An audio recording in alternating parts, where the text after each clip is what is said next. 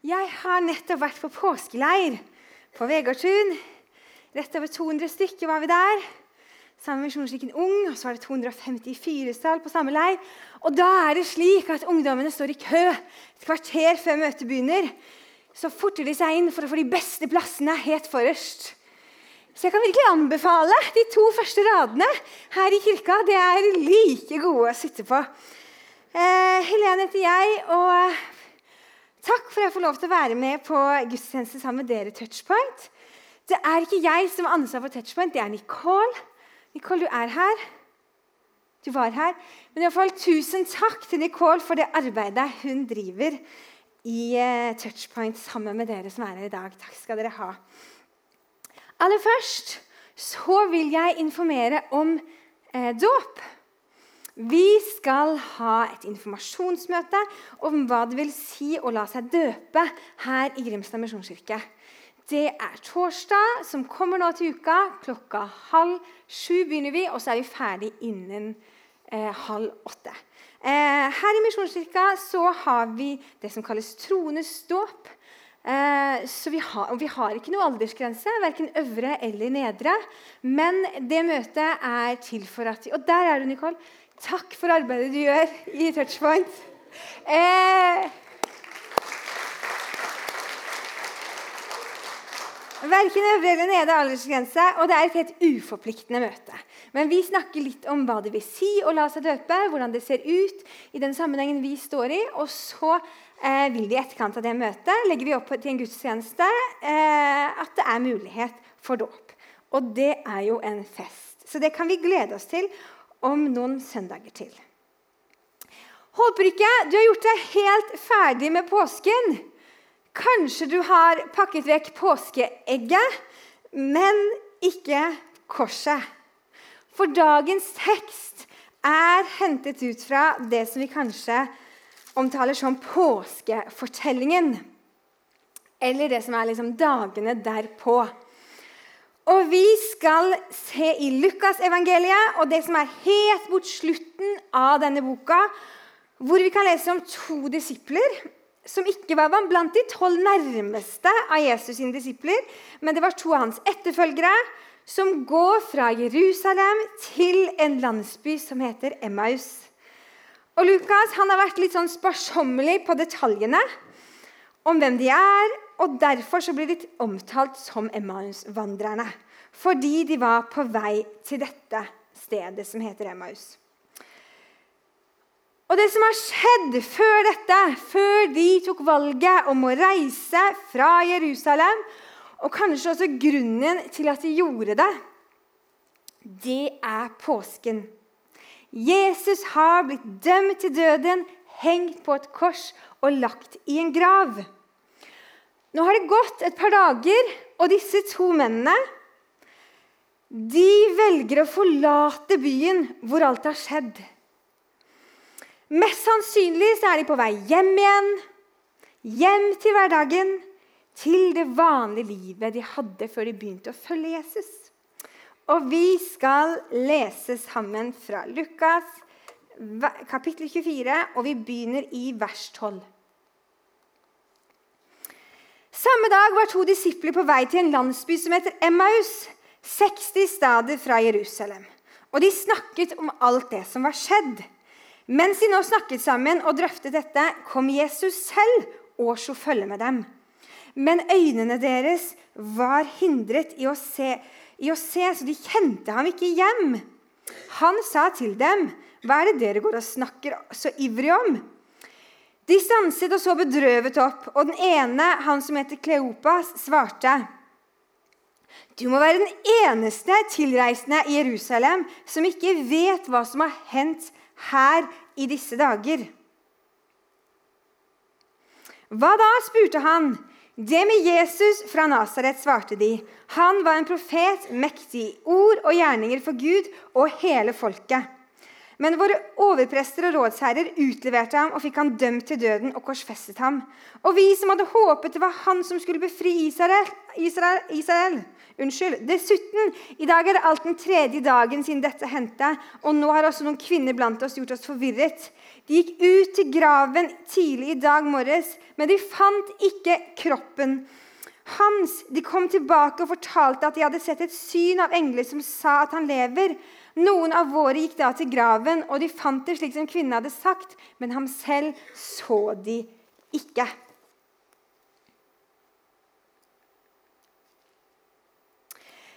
Disse to har vært med på noe helt spesielt. De har fulgt Jesus, de har lagt livet sitt i hans hender, og de har levd med han her på jorda. Hørt han undervise, sett han gjøre tegn og under. Og så hadde de helt sikkert bare uka i forveien, noen dager i forveien, vært overbevist om at det som skjer nå, det kommer til å være helt avgjørende. Og nå reiser de av gårde. Dette ble ikke slik som de hadde tenkt eller sett for seg. Det står ikke så mye i Bibelen om hvordan de har det, men ut fra det de har vært gjennom, så tyder nok mye på at de er sinte, de er nedfor, de er lei seg. Kanskje er de også litt skuffa. De hadde nok ofret absolutt alt da Jesus kalte dem. Og så er det en ganske dårlig slutt. Jesus han blir hengt på korset uten at han gjør motstand. Og i tillegg så har de siste, den siste dagen så har det begynt noen av kvinnene som også fulgte ham, å påstå at graven var tom. Jesus var stått opp fra de døde. Kanskje var det nettopp dette som var det aller siste som gjør at de tar beslutningen om at nå reiser vi. Nå er det nok. Mens i går den ene heter Kleopas og den andre uten navn, snakker de sammen og de drøfter alt som har skjedd. Så kommer Jesus, og han slår følge med dem. Men de kjenner ham ikke igjen. Deres øyne var forhindret i å se, står det. Hva som gjorde at ikke de skjønner eller kjenner ham igjen, det vet vi ikke. Men de møter ham akkurat som en fremmed, og så blir han en naturlig del av reisefølget deres. Jesus han skal liksom lodde stemninga litt, og han spør hva er det dere prater om.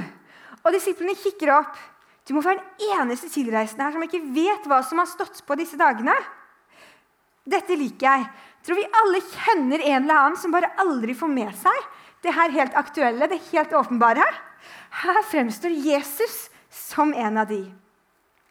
Og så må vi huske at uka som ligger i forveien, da dette har skjedd, så var det under jødenes påskefeiring, og byen var stappfull av tilreisende mennesker. Alle visste om det som hadde skjedd. Likevel så spør Jesus hva da? Han ville lytte til de han ville høre hvordan de hadde opplevd de siste dagene. Og så forklarer disse to han alt. Det som hadde skjedd med ham selv. Han de snakker om, og så gir de han siste status. Dette er nå. Dette er det som helt nylig har skjedd. Og Når Jesus hører dette, så svarer han med å liksom irettesette dem litt på en høflig måte. håper jeg. Han sier at de er uforstandige, de er korttenkte. Han stiller spørsmål til deres tro. Og vi leser videre. Da sa han til dem, så uforstandige dere er, og så trege til å tro alt det profeten har sagt. Måtte ikke Messias lide dette, og så gå inn til sin herlighet? Og han begynte å utlegge for dem det som står om ham i alle skriftene, helt fra Moses av og hos alle profetene. Litt merkelig opplegg av Jesus kunne vist seg for hvem som helst. Noen av de som fikk han dømt, kanskje. Tror jeg jeg ville gjort. Gjort liksom en greie ut av det. Og så velger han å slå følge med disse to. Det er en hyggelig gåtur. Er, avstanden er sånn cirka sånn herfra, og hvis vi skulle gått til Reddal En dags gåtur. Men hva er det Jesus gjør på denne turen? Aller først så lytter han til dem. Og så gir han dem en ordentlig bibeltime. Det må jo ha vært helt fantastisk å høre han. Han begynner med Moses, så alle profetene. Og han tar dem med inn i alle profetiene om ham. For det er jo Jesus sin bibel. Jesus han blir med dem inn i samtalen og viser dem inn i Bibelen. Han minner dem på det som står skrevet. Han kommer ikke for å minne dem på alle de gode opplevelsene de hadde hatt sammen. Alle de fine følelsene de siste årene hadde gitt dem. Alt det gøye de hadde gjort. Liksom, Husker du når vi var der, når vi spiste under det treet, når vi sang den sangen? Jeg tror de hadde opplevd så mye fint sammen. Og jeg tror det var mye som kunne vært nevnt for at de skulle få dem til å huske hvorfor de hadde fulgt den Jesus som de nå hadde reist ifra. Nei, Jesus han tar de med inn i ordet. Og gjennom Skriftene så forklarer Jesus og minner de på det de har hørt, og i disse tilfellene også det de har sett. Om hvilken død Messias skulle lide, og så skulle han oppstå, som profeten hadde sagt. Jeg har jobbet med barn og ungdom i kirke. Det har blitt noen år, ikke så lenge i denne menigheten. Her begynte jeg først i august i fjor. Men jeg har møtt mye barn og ungdom som er helt fremmed for Jesus og for kirke. Det er fryktelig krevende til tider. Eh, og man lurer jo av og til på er det noe som når inn. Eh, men så er det samtidig så rikt. For jeg vet at jeg, og også menighet, vi formidler det aller beste budskap. Og det dreier seg om evigheten til andre mennesker. Og jeg vet om skulle det noen gang skje Og det tror jeg, og det lever jeg at det vil gjøre, at noen av de som har vært her hos oss, enten det er som konfirmanter, i tweens eller ungdomsarbeid Om de noen gang skulle være litt som Emmaus-vandrerne, og de begynner å lure på hva er greia Hvem er Jesus? Så vil ikke jeg at de bare skal huske de veldig gode milkshakene. Eller de gøye opplevelsene jeg har, hatt. Den gøye turen, turen til Forup som liksom blir full på et døgn. Jeg vil at de skal huske Bibelen. At de har hørt om Gud, om Guds frelse gjennom Jesus og sammenhengene i livet og troen. For det er boka som er mer enn blekk på papir. Den forteller oss om en virkelighet som er sann. Og det er der vi møter Jesus. Det er der vi får svar, og der vi også får noen nye spørsmål. Bibelen gir oss Guds ord inn i livene våre, og det gir næring til det i livet mitt som ikke noe annet i verden kan mette. Møtet med Jesus var løsningen for Emmaus-vandrerne. Ikke gjennom følelser og en god stemning, men gjennom Guds ord. Det som er ånd, kraft og liv. Han lyttet lenge til dem. Han ville høre de sin versjon av det som hadde skjedd, og så åpnet han Skriftene for dem. Jeg liker veldig godt dette verset, disse versene, og jeg har lest dem for dere en gang før på denne plattformen. Eh, men det står at disse ord som jeg pålegger deg i dag, skal du bevare i ditt hjerte. Du skal gjenta dem for dine barn, snakke om dem når du sitter i ditt hus, når du går på veien, når du legger deg, og når du står opp. Du skal binde dem om hånda som et tegn og ha dem på pannen som et merke. Du skal skrive dem på dørstolpene i huset ditt og på portene dine. Moses, som sier dette, han er praktisk. Han sier det. Bind det om hånda, i panna Skriv det på dører, på stolper, når du sitter hjemme, når du legger barna. Vi trenger det helt tydelig. Og minnes på dette kontinuerlig. Jeg leste en artikkel fra dagen, det var fra i fjor. på denne tida. Det viste at det er bibelboom i Norge. Kraftig uttalelse, tenker jeg med liksom boom. Men allikevel kunne Bibelselskapet rapportere om økt interesse rundt Bibelen eh, fra nordmenn. Det er jo fantastiske nyheter. Vi fortsetter. Da de var kommet fram til Emmaus, jeg leser litt senere, så inviterer de to disiplene Jesus med seg.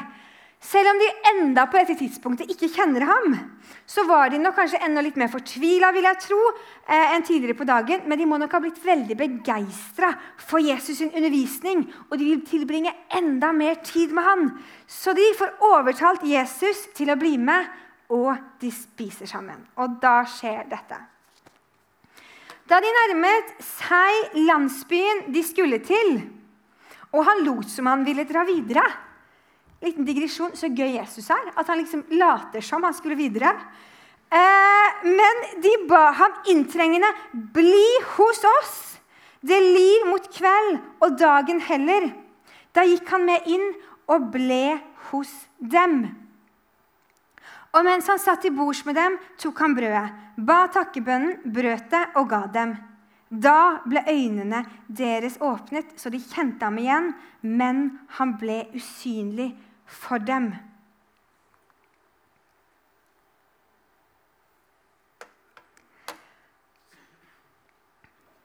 De sa til hverandre, 'Brant ikke hjertet i oss da han talte til oss på veien og åpnet Skriftene for oss?' Og de brøt opp med en gang og vendte tilbake til Jerusalem. Der fant de alle de elleve og vennene deres samlet. Og disse sa, 'Herren er virkelig stått opp og har vist seg for Simon.' Så fortalte de to om det som hadde hendt på veien, og hvordan de hadde kjent ham igjen da han brøt brødet.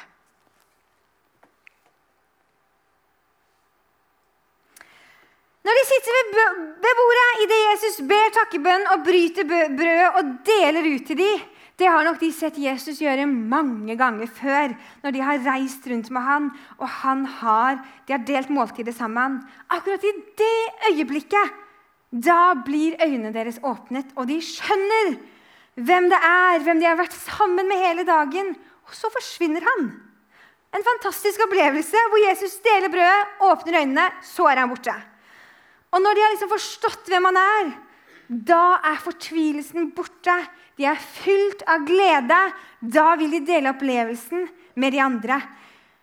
De som nok også er fortvila, redde og også skuffa, han som hadde lytta til de, han som hadde undervist de og skapt fellesskap, han hadde gitt dem nytt mot og kraft. Selv om det helt sikkert hadde vært en litt krevende og tung dag for dem, så haster de av gårde, og de drar tilbake til Jerusalem. De finner alle de elleve disiplene og vennene deres samlet, og de kunne gi rapport. Herren har virkelig stått opp og vist seg for dem. Og de bekrefter med det at alt det som står i Skriften, det er sant. Og mens de snakker om dette, så sto Jesus midt blant dem. Fred være med dere, sier han. Men hvorfor venter Jesus helt til middagen, til måltidet, med å åpne øynene deres og vise dem hvem han er? Er det kanskje en parallell her til noen av våre troshistorier? Eller noen vi kjenner sin. Eller kanskje noen av de som vi ligger oss nært, som vi ber for. Vi mennesker trenger noen ganger å samle informasjon, fordøye det vi har lært, la det synke inn. For så la det liksom sette seg, før det liksom helt kan åpenbare seg for oss. Og I denne teksten så har Jesus ulike roller. Først er han en fremmed. Så er han gjesten. Og så blir han liksom verten. Hvor han inntar rollen, hvor han bryter brødet, og hvor de da også ser han for den han er. Hvor han er Jesus, Guds sønn, deres frelser. Og når disse to først skjønner at det er Jesus de har vært sammen med hele dagen, så virker de ikke spesielt overraska. De sier til hverandre, 'Brant ikke hjertet i oss' da han talte til oss på veien og åpnet Skriftene for oss. Av og til så tar det litt tid for hodet og hjertet å liksom kobles sammen. Men når det først gjør det, som for disse to, så visste de sannheten fullstendig. Denne teksten utfordret meg til å se Jesus for hvem han er. Noen ganger er det fryktelig vanskelig å fatte Guds enorme kjærlighet til oss, til meg. Hvordan han sendte sin sønn, en ydmyk tjener, og så ble han ofret på en skamfull måte, og så sto han opp igjen. Men også samtidig å kunne legge merke til enda mer Jesus i livet mitt. Jeg er ofte litt sånn som de som ikke innser det før etterpå. Det var Jesus jeg har vært sammen med hele dagen.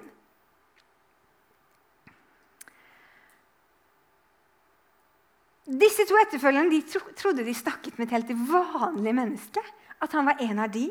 Så viste det seg at det var den oppstandende Gud. Men denne teksten gjør meg også litt skremt. For det viser seg at det er skremmende kort vei tilbake igjen til det gamle livet. Til gamle vaner og tanker. Fra det å liksom være helt med i fronten til å så liksom bare bryte opp og dra av gårde. Og Emmaus, om den landsbyen er liksom hjemstedet til disse to vi følger i dag, eller om det er et stopp på veien dit, det vet vi ikke. Det kan også hende at det var bare et sted man reiser for å komme seg litt vekk. Bare for å få liksom litt det andre på avstand.